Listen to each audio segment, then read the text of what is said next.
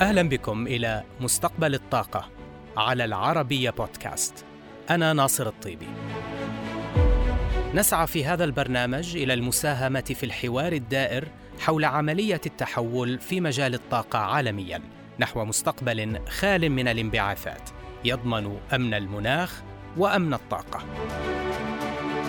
العمليات العسكرية الروسية في أوكرانيا أطلقت جدلا صاخبا في أوروبا حول أمن الطاقة وقد دفع ذلك مفوضية الاتحاد الأوروبي نحو مراجعة استراتيجيته للطاقة من خلال تسريع التحول الأخضر بهدف إنهاء الاعتماد الكبير على الطاقة الأحفورية الروسية وتحقيق أمن الطاقة المنشود. فقد استورد الاتحاد الأوروبي عام 2019 47% من فحمه و41% من غازه و27% من نفطه من روسيا. المراجعة الحالية لاستراتيجية الطاقة الأوروبية تهدف إلى الاستغناء عن الوقود الأحفوري الروسي قبل عام 2030 عن طريق استغلال إمدادات ومصادر جديدة من الغاز إلى جانب زيادة كفاءة استهلاك الطاقة إضافة إلى وضع مستهدفات أعلى للطاقات المتجددة. فالمفوضية الأوروبية تأمل بأن بأن بأن تسريع تطبيق خطة الوصول إلى الحياد المناخي بحلول عام 2050 والمعروفة باسم الصفقة الخضراء ستخفض من الانبعاثات وفي نفس الوقت تقلل من واردات الوقود الأحفوري وتخفف من وطأة قفزاتها السعرية حيث أنه وفي حال إقرار زيادة التخفيضات في الانبعاثات بحلول عام 2030 إلى 55% دون مستويات عام 1990 فإن هذا يخفض استهلاك الاتحاد الأوروبي من الغاز هذا العقد بنحو الربع بحسب تقديرات المفوضية. فالاتحاد الأوروبي استورد من روسيا العام الماضي نحو 155 مليار متر مكعب. في حين تهدف الخطة إلى الاستعاضة ب 112 مليار متر مكعب سنويا ستأتي من عدة مصادر أخرى أبرزها. 50 مليار متر مكعب من مصادر جديدة من الغاز المسال و10 مليار متر مكعب إضافية من الغاز عبر الأنابيب من مصادر غير روسية. و20 مليار متر مكعب من الغاز سيتم توفيرها عبر الاعتماد على مصادر طاقة الرياح جديدة. ستدخل الخدمة قريبا ما سيخفض الاعتماد على محطات الكهرباء العاملة على الغاز حالياً. الخطة تشمل أيضا استثمارات جديدة في البنى التحتية لشبكات الغاز وأيضا لخزانات الغاز حيث تنوي المفوضية ربط الأنابيب الغاز الإسبانية والبرتغالية بالشبكة الرئيسية في أوروبا. كما تخطط لربط أنابيب الغاز بين بلغاريا واليونان. كما ترغب المفوضية بعدم الوقوع مجددا بمعضلة انخفاض مخزوناتها من الغاز كما حدث خلال العام الماضي حيث ستقوم المفوضية بتنسيق الجهود الأوروبية لشراء وتوريد الغاز عبر برنامج مشترك للشراء. بالإضافة إلى وضع متطلبات جديدة على مرافق تخزين الغاز في الاتحاد الأوروبي تجبرهم على إعادة ملء خزاناتهم قبل موسم الشتاء بحد أدنى 90% من قدراتها القصوى بحلول الأول من أكتوبر في كل عام. وتسهيل عمليات شراء مخزونات الغاز عبر تخفيف الأعباء الضريبية على المشترين. هذه المراجعات في استراتيجية الطاقة سينتج عنها تحديات جسام ستواجه الاتحاد الأوروبي. المشكلة الأولى تكمن في تباين الخطط الوطنية الحالية لكل دولة أوروبية بسبب اختلاف مواردها وبناها التحتية. فنجاح الاستراتيجية يكمن ويتوقف على جهود جميع الأعضاء وبنفس الزخم. المشكلة الثانية هي الكلفة. فهذه المبادرات ستحتاج إلى استثمارات أكبر في الطاقات المتجددة التي تشهد أسعار مدخلاتها من المعادن ارتفاعات قياسية. هذا إلى جانب ارتفاع تكلفة الغاز المسال مقارنة بالغاز عبر الأنابيب. فهل لدى جميع أعضاء الاتحاد الأوروبي القدرة التنفيذية في تطبيق الاستراتيجية الجديدة بنفس السرعة؟ وهل لدى جميع الأعضاء الموارد المالية اللازمة لضخ الاستثمارات المطلوبة؟ وهل لدى جميع الحكومات ما يكفي من رأس المال السياسي لتنفقه في إقناع ناخبيها بتقبل ارتفاع أسعار الطاقة؟ الإجابات على هذه الأسئلة ستحدد ما إذا كان رهان المفوضية الأوروبية الاستراتيجي هذا سيصيب أم سيخيب وللمزيد حول هذا الموضوع ينضم إلي مباشرة من الرياض وائل مهدي الكاتب المتخصص في شؤون أوبك. وائل أهلا بك. شكرا لانضمامك إلينا. بعد الحظر الأمريكي على النفط الروسي والعقوبات المالية الأخرى التي بدأت تخيف بعض المتداولين عن التعامل بالخام الروسي، السؤال هنا ما هو حقيقة عدد البراميل الروسية التي تم حظرها أو استبعادها من السوق فعليا؟ هل هي بنفس الحجم التي تتوقعها سوق النفط الورقية؟ لأن بعض المتاجرين فعليا بالنفط المادي الفيزيكال يقولون بأنه لا يوجد نقص فعلي في السوق النفطية بعد ما رأيك؟ نعم هو كل هذه كل هذه الإجراءات وكل هذه الإعلانات يعني لا يوجد شيء منها فوري آه، لأن المصافي تحتاج فترة حتى يعني تبدأ اللي هو ال scheduling آه، من من مناطق جديدة من آه، شركات جديدة. لا يمكن تغيير يعني يعني استخدام المصافي من خام معين يعني بين عشية وضحاها. الأمر يعني سيأخذ لنقل يعني شهر شهرين يعني يبدأون في التحميل عادة جدوى التحميل مرة أخرى. هناك لازم هناك يكون في ناقلات آه، لنقل النفط من مصادر جديدة. طبعا آه، بالنسبة للولايات المتحدة الكميات المعلنة يعني في حدود 500 600 ألف برميل اللي سوف يتم حظرها يعني لا تكاد تكون مؤثرة بشكل كبير جدا في في في السوق. آه، لكن السوق أصلا يعاني من شح في الإمدادات. آه، لا ننسى لا ننسى إنه من يعني يوليو 2020 حتى الآن تم سحب 700 مليون برميل من المخزونات الاستراتيجية في العالم. هذه الكمية لا زالت إلى الآن تحتاج تعويض ولم يتم تعويضها حتى الآن. ف يعني اذا إذا السوق آه، آه، متشبع بالنفط لا طبعا. ولا ما كان رأينا الأسعار يعني مرتفعة حتى من قبل الأزمة الأوكرانية الروسية. آه، يعني ما سوف يحدث وان يعني سوف نرى تقريبا يعني بعض الدول تبدأ مثلا في التخفيض التدريجي. لأن النفط الروسي الذي يذهب إلى أغلب دول أوروبا يذهب عن طريق الأنابيب. آه طب دعنا يعني دعنا نتكلم عن أوروبا ووارداتها من النفط الروسي، يعني أنت ذكرت وائل الحظر الأمريكي للخام الروسي هو رمزي أكثر منه فعلي آه، في آه، ضوء آه، طبعا الخيارات الأخرى المتاحة للولايات المتحدة. لكن ما مدى قدرة الاتحاد الأوروبي على تقليص وارداتها النفطية الروسية هذا العام كما يتم الإعلان عنه؟ وفي حال تقليص تلك الواردات من من الموردين الآخرين المحتملين الذين قد يستفيدوا على حساب روسيا؟ نعم. طبعا آه، إذا نظرنا للتصريحات فالكل يتحدث عن تخفيض تدريجي حتى نهاية العام. لا لا. شخصيا لا أتصور أن الكل يتمنى هذا الأمر نعم قد يعلنون عن هذا الأمر لكن لا يتمنونه.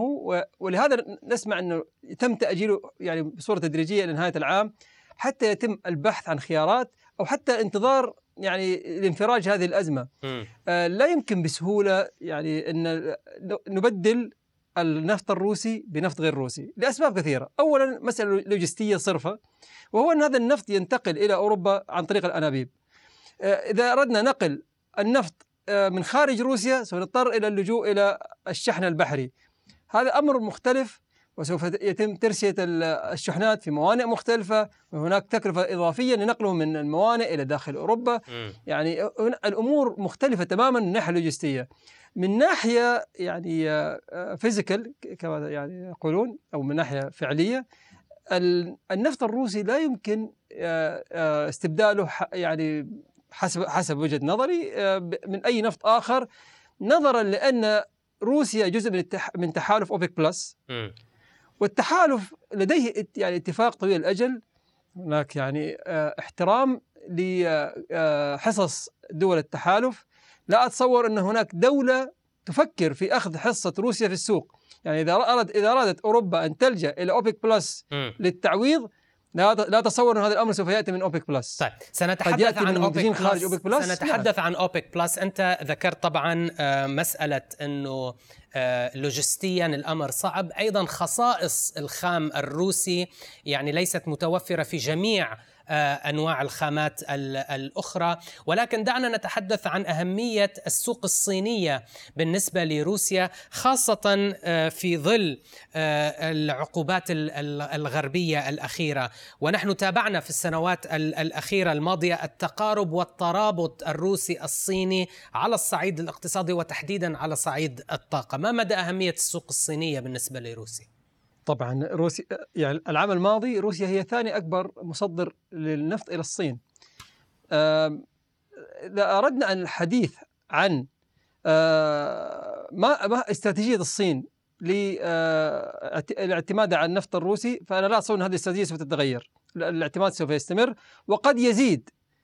يعني إذا كان هناك كميات إضافية من النفط الروسي لم يتم تصريفها إلى الاسواق الأوروبية فمن ناحية سياسية طبعا لا ننسى إن أغلب الشركات التكرير في الصين شركات مملوكة للدولة م. على عكس الشركات الأوروبية وهي شركات خاصة الشركات الدولة بإمكانها يعني إجبار المنتجين الصينيين على على استقبال شحنات إضافية من النفط الروسي. آه هذا يعني إن آه سوف يتم هذا الأمر على حساب حصص من دول كثيرة جدا. آه ف آه زال لا تزال الصين هي أهم سوق لروسيا. طبعا آه، التحميل الروسي إلى آه، أوروبا في إبريل قد يكون صعب. لأن هناك طبعا ردة الفعل الأولية أن الكل سوف يبدأ الرفض في أخذ يعني النفط الروسي. لكن هل سوف نشهد تغيير هذا مسار هذا النفط إلى الصين؟ نعم. اغلب الظن نعم. لأن الصين حليفة ولأن لأن يعني العلاقة بين الصين وكذلك آه، خصائص المنتجين والمصافي في الصين مختلفة عن أوروبا. فهذا يعني هذا أمر يعني واضح يمكن حاليا. لكن بالنسبة للاستيراد من آه، أوروبا يعني هناك إلى اليوم حتى الشركات التي أعلنت مثلا عندك توتال أعلنت أنها ستوقف آه، يعني وارداتها من من روسيا. لكن عندها مصفاة في ألمانيا لا زالت تستورد النفط عن طريق الأنابيب من روسيا. يعني لا يمكن يعني تغيير هذه الأمور كلها بين عشية وضحاها لأن بعض المصافي وطبعا الصين ستستمر نعم. في استيراد الخام الروسي خاصة إذا ما تحصلت على خصومات سعرية كبيرة. آه ونعرف الصين طبعا يعني دائما تحاول آه بشكل اوبورتونستيك آه أو لاقتناص هذه الفرص. ورأيناها طبعا مع وارداتها من النفط الإيراني على مدى السنوات الماضية. وبالحديث هنا عن إيران. بأي سرعة يمكن للبراميل الإيرانية والفنزويلية وائل العودة إلى السوق في حال توجهت الولايات المتحدة كما يبدو إلى تخفيف أو رفع العقوبات على هذين المنتجين الأعضاء في أوبك؟ وهل هما قادران فنزويلا وإيران على تعويض البراميل الروسية المحظورة؟